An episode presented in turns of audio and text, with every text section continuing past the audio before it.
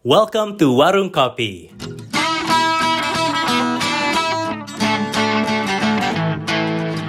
Warungnya apa nih? Warungnya anak-anak konten kali ya. Warung yang menjadi tempat diskusinya para UX writers dan copywriters dari berbagai startups di Indonesia. Traveloka, Blibli, Greens, Bukalapak, Tokopedia, Kita Bisa, Halodoc, Kata.ai, Bank OCBC NISP, dan masih banyak lagi. Nah, kalau kamu pengen belajar UX Writing atau Copywriting, di sini warungnya. Warung Kopi.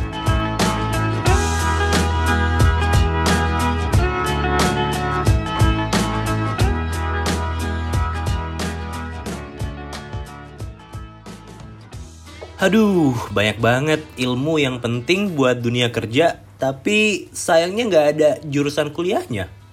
Yang paling deket dulu aja deh, UX Writing. Emang ada gitu jurusannya? Yang paling mirip mungkin ya komunikasi paling atau hubungan internasional. Kan banyak tuh nulis esainya. anyway, selain UX Writing yang sama-sama nggak ada jurusan kuliahnya adalah SEO Chief Executive Officer Search uh, Search Engine Optimization. Sorry sorry. Mungkin ada listener suara kopi yang bahkan baru dengar istilah ini. Nah, teman-teman yang udah tahu pun kita yakin nggak nggak akan setahu guest kita kali ini. Karena dia ini ya nanti dikit lagi bakal dikenalin adalah seorang expert dalam bidang SEO. Role terakhirnya adalah Head of SEO-nya salah satu unicorn startup di Indonesia Traveloka. Oke lah, let's meet our guest langsung aja, Ilman Akbar.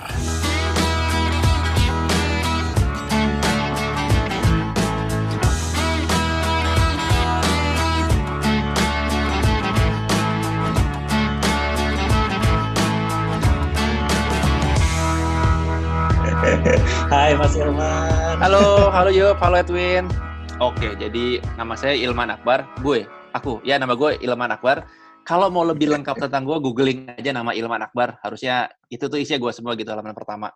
Um, terus ya uh, tadi yang dibilang gue head of SEO Traveloka sebenarnya tuh role sebelum sebelum sebelum ini. Karena uh, sekarang gue baru pindah ke Glints sebagai digital and SEO lead. Nah sebelum masuk Glints tuh gue di Traveloka pindah role sebenarnya product manager. Jadi uh, gue empat tahun di uh, tim SEO, ngelit tim SEO Indonesia dan uh, regional Terus gue selama 4 tahun misi gue alhamdulillah tercapai, gue pindah belajar hal baru di product management jadi PM dan habis itu sekarang di Glint sebagai kembali ke marketing lagi digital and SEO lead. Terus juga punya website juga uh, namanya anakui.com.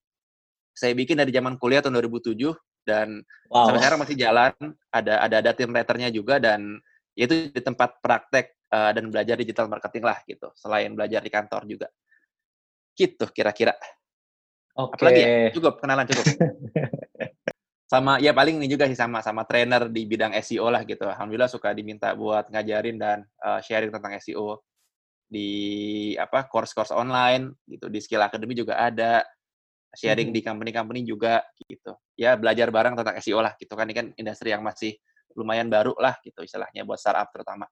Sebenarnya ya SEO sih udah lama sebenarnya cuma maksudnya buat startup startup ini aware tentang SEO tuh juga uh, belum lama-lama banget gitu yang hmm. yang ngerti oh SEO tuh penting gitu buat di company buat di startup buat user acquisition gitu-gitu tuh baru oke okay. gitu. okay, Mas Ilman mau yes. nanya nih berarti sebagai writer ya dan gue baru tahu nih tentang SEO uh, eh, bisa dibilang gini nggak sih uh, setiap artikel yang mau gue tulis uh, itu gue harus tahu keyword apa yang mesti gue tonjolin banget gitu saya kan yep. yang gue tahu tuh writer ada aja yang dia nggak mikirin keyword, dia mikirin yeah. judulnya apa, dan nanti tulisannya yeah. itu nggak lari, nggak keluar ya. dari yeah. uh, scope judulnya gitu. Yeah. Nah, uh, sekarang baru tahu kalau SEO tuh faktor pentingnya salah satunya adalah di, adalah di keyword. Berarti gimana tuh buat writer okay. yang nggak fokus ke keyword? Ini again tergantung konteks dan tergantung tujuannya gitu ya. Kalau misalkan emang teman-teman nulis itu buat mendapatkan traffic dari search engine, atau let's say teman-teman tuh part of marketing team yang of course gitu buat acquire user dari search engine itu emang harus uh, ngerti SEO dan dan dan dan uh, menggunakan proses yang kayak tadi gitu. Itu kalau emang teman-teman nulisnya buat uh, tujuan mendatangkan traffic dari SEO. Tapi kalau misalkan teman-teman nulis hanya untuk bukan hanya ya, maksudnya uh, goalsnya beda gitu. Goalsnya supaya viral di sosial media. Goalsnya supaya emang curhat aja gitu misalkan. Atau goalsnya untuk uh, untuk branding karena mau diposting di di di di, di media online uh, yang yang tidak perlu SEO. It's okay nggak perlu nggak perlu musingin yang tadi gitu. Jadi emang emang tergantung goals lo aja gitu. Cuma kalau emang sekali uh, targetnya adalah biar orang banyak baca, orangnya dari sosial eh sorry, orangnya dari search engine nyarinya ya lo harus tahu apa yang banyak orang cari di search engine gitu dari keyword research startnya gitu. Ini ada pertanyaan menarik nih. Gimana cara gimana cara kita sebagai writer tuh bisa bisa tahu uh, apakah tulisan kita ini udah memenuhi kebutuhan SEO atau enggak selain hmm. keyword hmm. mungkin ya atau it's all hmm. about keyword. Oke. Okay. Oke, okay, ada ada ada satu konsep nih. Uh, jadi kan kalau kalau teman-teman pernah dengar konten tuh harus high quality gitu biar bisa masuk di Google. Nah, high quality itu artinya apa sih gitu? Nah, ada sebuah konsep yang uh, terdiri dari inisial tiga huruf IET, it uh, di apa makan makan. Atau kalau kalau gue bilangnya tuh eatable gitu bisa dimakan. Sebuah konten tuh harus eatable gitu menunjukkan tiga faktor. I E T. E itu expertise uh, A-nya itu autoritatif uh, T-nya itu trustworthy. E-nya tuh expertise artinya konten lu tuh harus nunjukin kalau tuh expert expert kan biasa lengkap nulisnya komprehensif gampang dibaca gampang dimengerti bukan bla bla bla. Uh, itu expert kayak Wikipedia lah. Wikipedia kan kelihatan expertnya karena orang nulis bareng-bareng lengkap gitu-gitu kan. Saling ngeling satu sama lain itu kelihatan expertnya lah gitu. A-nya autoritatif itu dari sisi uh, yang nulis uh, kontennya websitenya itu tuh otoritatif nggak sih buat nulis tentang hal tersebut? Misalkan kayak artikel tentang kesehatan gitu uh, diposting di website Traveloka misalkan. Lah uh, kontennya boleh expertnya ditulis oleh ditulis oleh uh, dokter siapa gitu tapi uh, apa lengkap juga, bagus, enak dilihat. Tapi masuknya di website Traveloka, saat orang nyari konten itu di Google, uh, kecil kemungkinan web, apa konten kedokteran itu si Traveloka tadi tuh muncul gitu buat pencarian itu karena Traveloka nggak otoritatif buat nulis topik kesehatan. Beda kalau itu nulisnya di Halodoc misalkan. Nah, itu hmm. A otoritatif. Konsep ketiga tuh T trustworthy. Uh, bayangin lu punya web punya konten bagus, uh, apa namanya, uh, expert, domainnya apa namanya websitenya tuh memang otoritatif, konten-kontennya tuh tentang itu semua topiknya, tapi website lu pakai template gratisan. Terus nggak jelas ini about Asia tuh apa gitu. Atau ke toko online nggak jelas nama PT-nya apa, uh, ada CS apa enggak. Jadi ini gue harus percaya nggak sih emang konten ini gitu. Jadi konteks apa konsep pertama buat uh, konten SEO yang bagus tuh adalah di faktor IET dulu gitu. Sebelum masuk ngomongin keyword apa segala macam, what's what's best for user tuh itu gitu. Kira-kira tiga konsep itu sih pertama yang harus di harus dimengerti. Tadi tadi mention design berarti visual di layout di website-nya juga mempengaruhi SEO. Menurut gue iya karena uh, apa namanya produk ya itu the whole package kan produk itu kan uh, apa namanya lu make lu enak uh, explore explore pagesnya jadi ya itu termasuk sih kalau kalau gue percaya gitu karena Google bukan cuma bisa ngelihat konten tapi benar-benar bisa ngelihat presentation juga gitu Oke. Okay. Jadi the whole package gitu. Tadi nah, gimana selanjutnya itu? Nah, nextnya uh, checklist berikutnya buat nulis SEO itu adalah ya apa teman-teman mungkin yang yang yang pernah uh, apa tahu kayak 10 tahun lalu uh, itu kalau orang nyari di Google yang muncul di search engine tuh resultnya artikel yang kata katanya tuh diulang-ulang gitu. Dan dan ada yang bilang kalau biar SEO-nya bagus, katanya tuh harus diulang-ulang. Kalau lu mau tahu tentang tiket pesawat murah gitu, lu bukan mengulang-ulang kata tiket pesawat murah sampai satu persen dari jumlah kata. Kayak lu punya seribu kata artikelnya sebanyak seratus kali, lu harus mengulang kata tiket pesawat murah. Bacanya hmm. pasti aneh dong gitu dan dan dan kalau dulu search engine bisa diakalin pakai cara itu, sekarang enggak gitu. Sekarang what's good for users is what good for search engine as well. Jadi yang yang harus yang harus lu tulis tuh bukan mengulang-ulang kata tiket pesawat murah tapi uh, lebih ke kayak 5W1H lah gitu. Kenapa kenapa lu bisa jual website eh kenapa lu bisa jual tiket pesawat murah gitu uh, apa aja maskapai yang ada di dalamnya siapa aja target market yang bisa beli tiket pesawat murah misalkan gitu uh, apa aja promonya kapan tiket-tiket murah itu bisa bisa bisa dibeli dan bagaimana cara belinya, gimana cara gimana cara pembayarannya. Jadi hal-hal kayak gitu yang justru menjadi uh, penjelas dari target keywords yang tadi gitu. Oke. Oke. Oke, oke. Kayak gitu sih SEO. Oke, okay. ini kan since kita udah ngomongin detailnya nih ya, tek teknisnya yes, gitu. Yes. Sekalian mau nanya, do's and don'ts-nya ada nggak nih Mas Kelman supaya tulisan kita tuh SEO friendly? Oke. Okay. Oh, tadi kan udah ngebahas do's-nya itu EAT ya? Yes, ya, betul. Nah, kalau don'ts-nya itu apa yang yang se mm -hmm. apa yang lumayan gede lah okay. powernya? Kalau misalkan emang di kantor lu ada tim SEO, biasa dia agak dia dia bisa bantuin gitu, bantuin eh keyword bantuin keyword research dong, sehingga writer tuh bisa fokus explore target keywordnya udah ada dari tim SEO dan tim konten tuh bisa explore sendirilah subtopiknya apa sih yang yang yang relevan buat keywords utama itu gitu. Don'ts-nya adalah uh, mengulangi kesalahan yang SEO SEO jadul lah gitu. Kayak ya nulis ya sebaliknya nulis bukan buat user, nulis buat search engine jadi berharap dengan nulis berulang-ulang kata kuncinya itu bakal bisa naikin, padahal aneh banget gitu dibacanya. Terus dons yang lainnya, uh, oh gue agak gua agak lompat-lompat deh, karena gue kepikiran dus lainnya adalah lu harus compare ke kompetitor lu juga gitu. Namanya marketing kan, SEO kan marketing channel kan. Lu harus tahu kompetitor tuh ngapain sehingga lu bisa studi banding sama kompetitor gitu. Konsepnya tuh konsepnya sih gini aja sih. Jadi jadi lu lihat yang muncul di nomor 1, 2, 3, sampai 5 lah kalau mau. Lu bukain satu-satu, lu lihat kontennya, fitur-fiturnya, isinya, kalau artikel tuh dia bahas apa aja, uh, dan lu list down gitu. Kayak kompetitor satu, isinya A, B, tentang A, B, C, D, gitu. Kompetitor 2, tentang A, B, D. Yang ketiga tuh A, C, D. Berarti kayak, oh minimal buat bisa nge-ranking tinggi, kontennya harus ada A, B, C, D, gitu kan? Itu minimal. Mm-hmm. Tapi lu harus lebih ganteng dari kompetitor.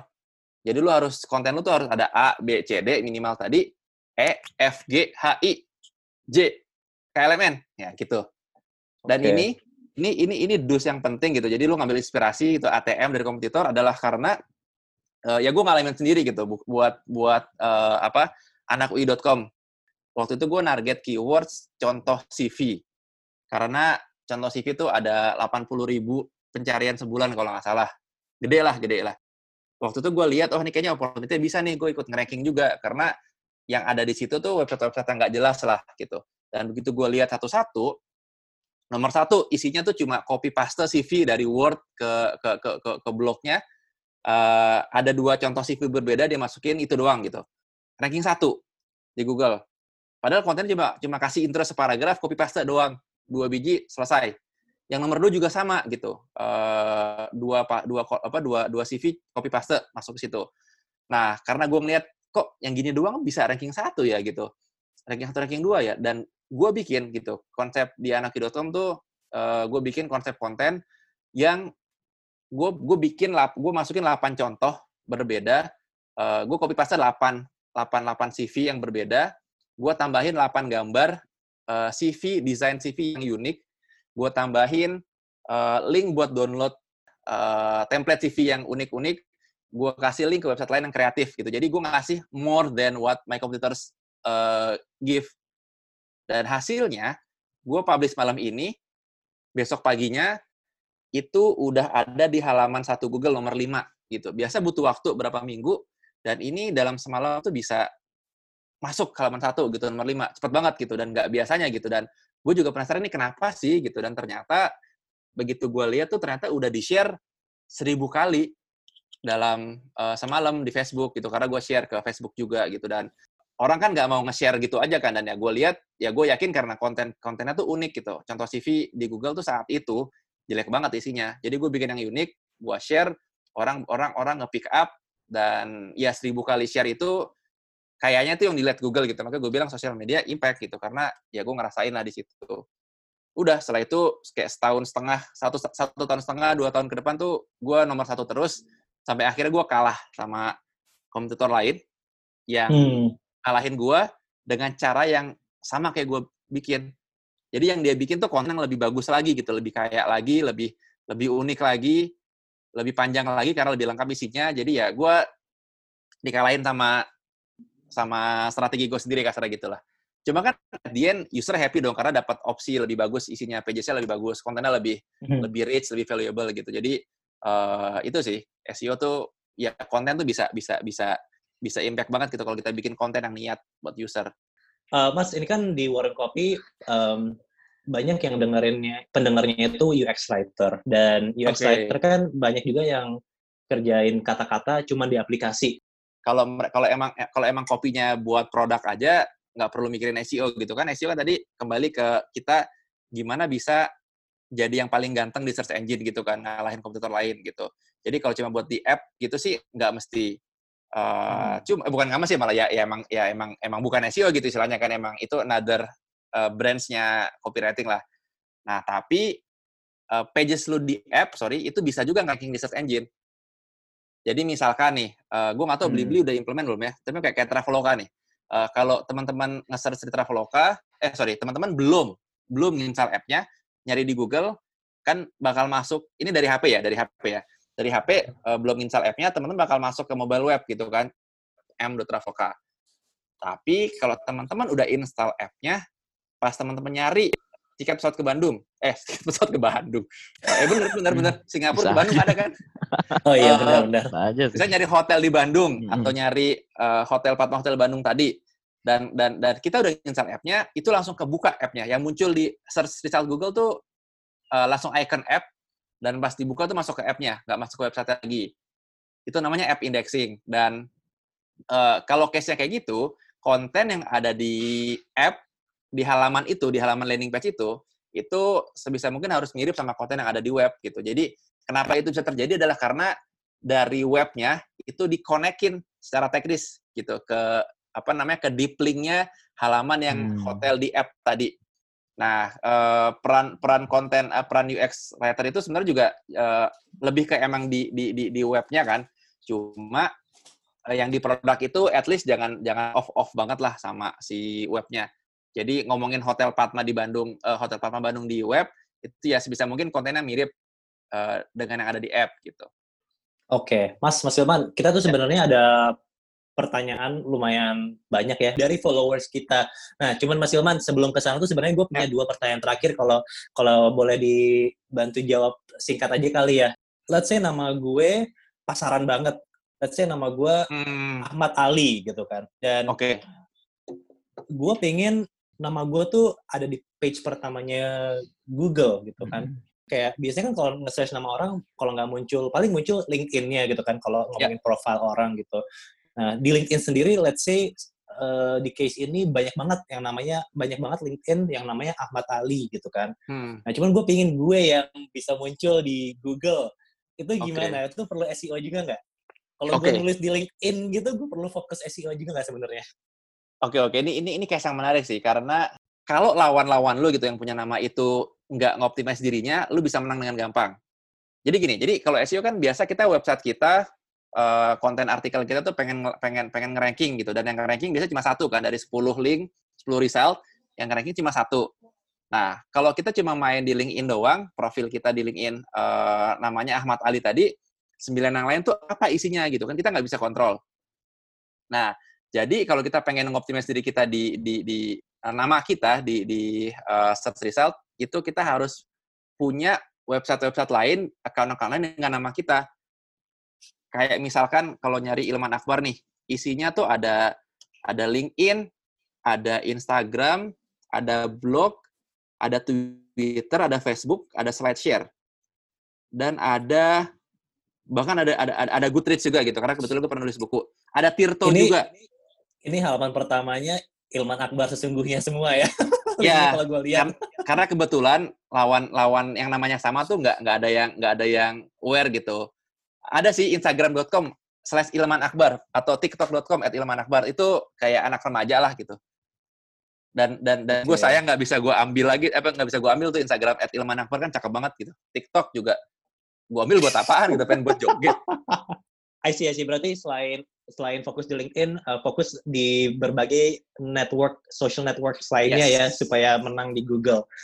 Pertanyaan terakhir gue nih, uh, sebelum kita ke followers nanti dipandu sama Bapak Yuk. let's say gue nggak mau terlalu pusingin banget soal SEO. Tapi Mhm. setiap gue nulis itu, gue tuh konsisten banget sama topik yang gue tulis gitu kan. Hmm. Gue nggak mikirin keyword, cuman setiap artikel yang gue Mhm. tulis tuh bener-bener fokus on one thing gitu kan. Ya. Eh, Sebenarnya kalau gue eh, bisa nulis yang yang emang bagus, nggak keluar dari topik, eh, terus gue konsisten eh, nulis tiap hari di. Medium, terus di di apa di di blog-blog lainnya. Pokoknya Ya. di di berbagai social networks gue tuh aktif nulisnya bagus tulisannya dan konsisten. Nah kalau gue udah punya kalau emang gue udah nggak bisa udah ngebangun habit seperti itu, gue masih perlu fokus SEO juga nggak? Maksud gue the power of SEO for that kind of writer sebenarnya Hmm. perlu banget nggak mas?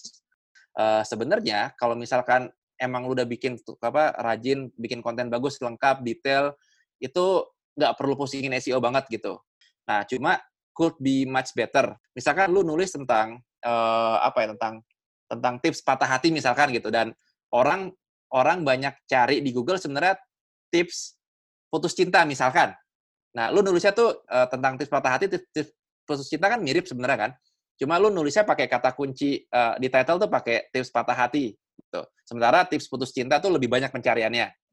Nah, Google tuh tetap bisa tetap bisa mengasosiasikan orang nyari tips putus cinta memunculkan konten lu yang tips patah hati walaupun nggak directly sama gitu karena ya search engine pinter lah gitu.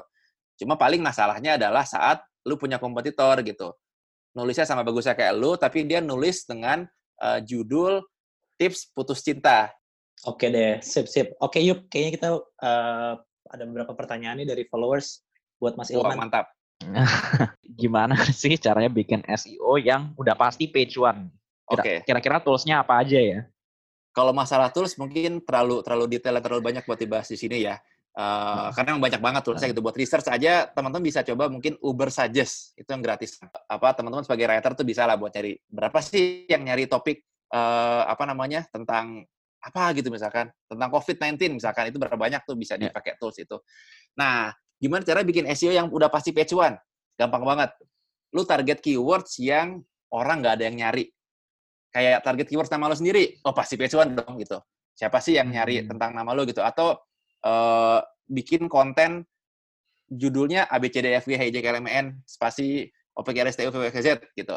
Terus lu search di Google keywordnya itu ABCDFG HJKLMN spasi OPJ gitu gitu. Pasti nomor satu lah Hmm. tapi kan nggak ada yang nyari gitu kan.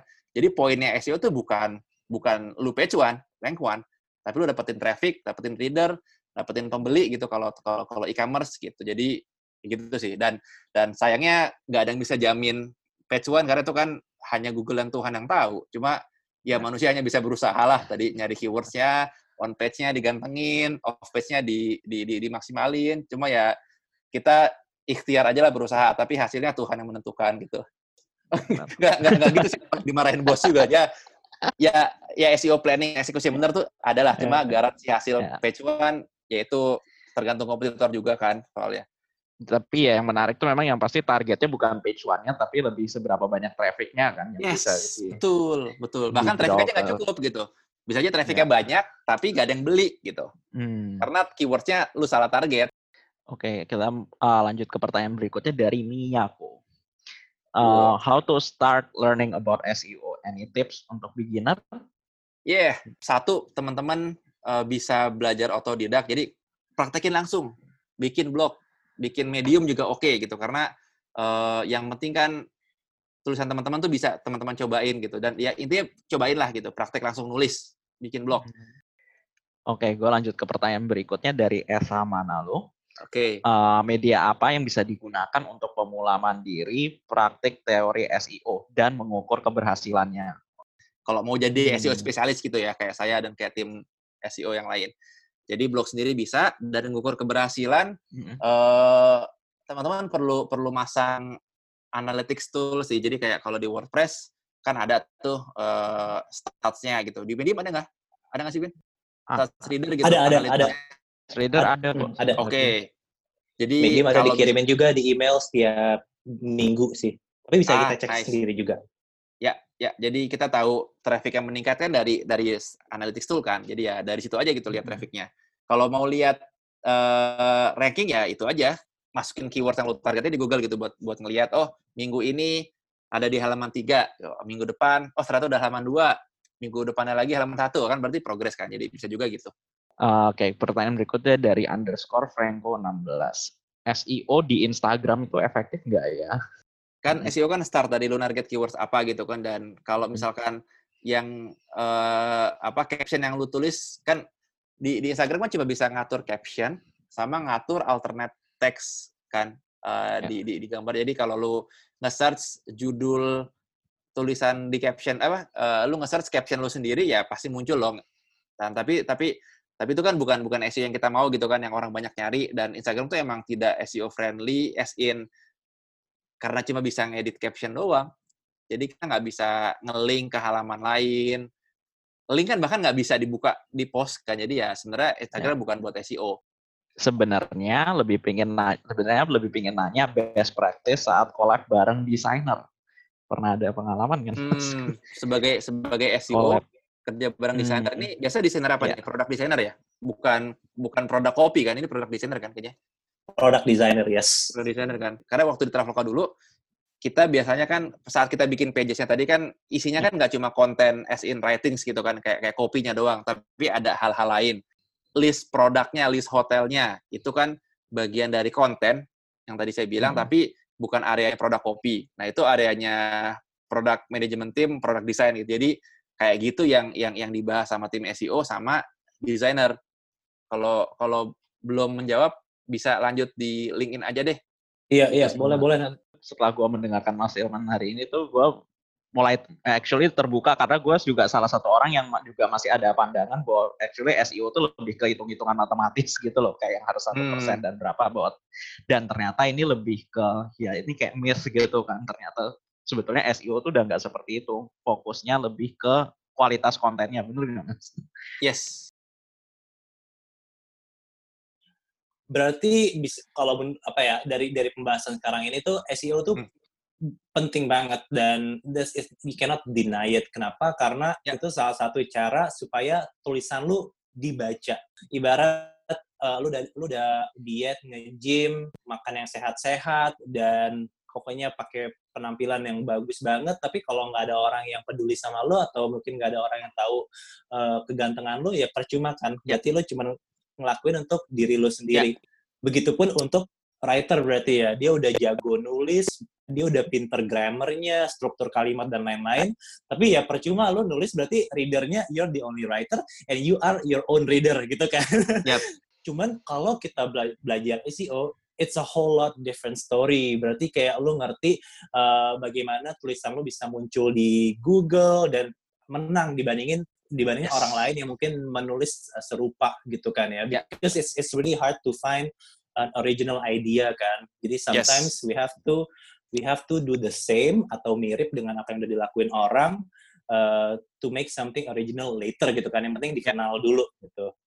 Oke so being a writer without knowing SEO kayaknya pointless ya zaman sekarang ini yang serba digital. Itu kayak conclusion dari uh, gue kali Yup ya Hmm. kalau dari lu gimana Yup Kalau lihat dari pertanyaan titipan tadi juga membayangkan bahwa SEO itu purely yang technical dan mungkin juga sangat-sangat mathematical in a way tapi Ya. sebetulnya it's more than that dan ini dan memang quality of content itu tetap jadi bagian yang paling penting menurut gue sih. yes mantap betul Dan- guys betul guys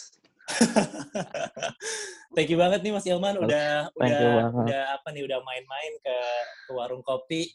Warungnya anak konten. Eh, ko- kopi kopinya kopinya nggak nggak nggak lu kasih gue bikin sendiri kopinya Iya, iya katanya iya. warung kopi Warung kopi. Itu dia kayak kita tuh mesti mikirin approach yang lebih yang lebih proper gitu ya. Biasanya kalau offline kan bisa Oh. ketemu di sebuah kafe, terus kita Iya. traktirin, traktirin Iya. kopi, Nggak ma- nggak makan malam bercanda, gitu. bercanda. tapi lucu lu lucu lucu asik asik asik ya Allah Malam. kopi. ini gue sampai sampai disuruh pelan pelan sama istri gue kencengan gue ngomong ya ketawanya ngomong ya karena terlalu seru Mas, appreciate it so much.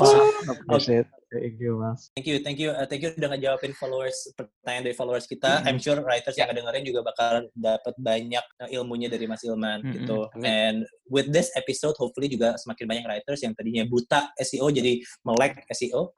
Ya. Uh, ya paling itu aja sih. So thank you again Mas Ilman. sama sama thank you Edwin thank Thank you you, Mas semoga Elman. bermanfaat connect connect Oke. connect gue di LinkedIn ya, biar kalau mau ngobrol-ngobrol silakan di sana ya. Oke. promo dikit. Oke, Seth. Berarti kalau mereka mau nanya-nanya lagi, Boleh ya. langsung, eh, langsung ke LinkedIn Mas, eh, Mas Ilman Ya, ya? silakan. Oke, tapi eh, kalau misalkan belum tahu lewat mana ya tinggal Google aja Mas Ilman because the Google first page of Google Ya. itu semuanya Ilman Akbar ya. Ya harusnya itu saya harusnya. Oke, that would Oke. be all sih kayaknya. Thank you Mas Thank Ilman. you, Ya, guys. thank you. Bye bye. Oke, kasih, pamit sekalian ya. Off ya, Ya. bye. Bye. Yo, thank you, thank you.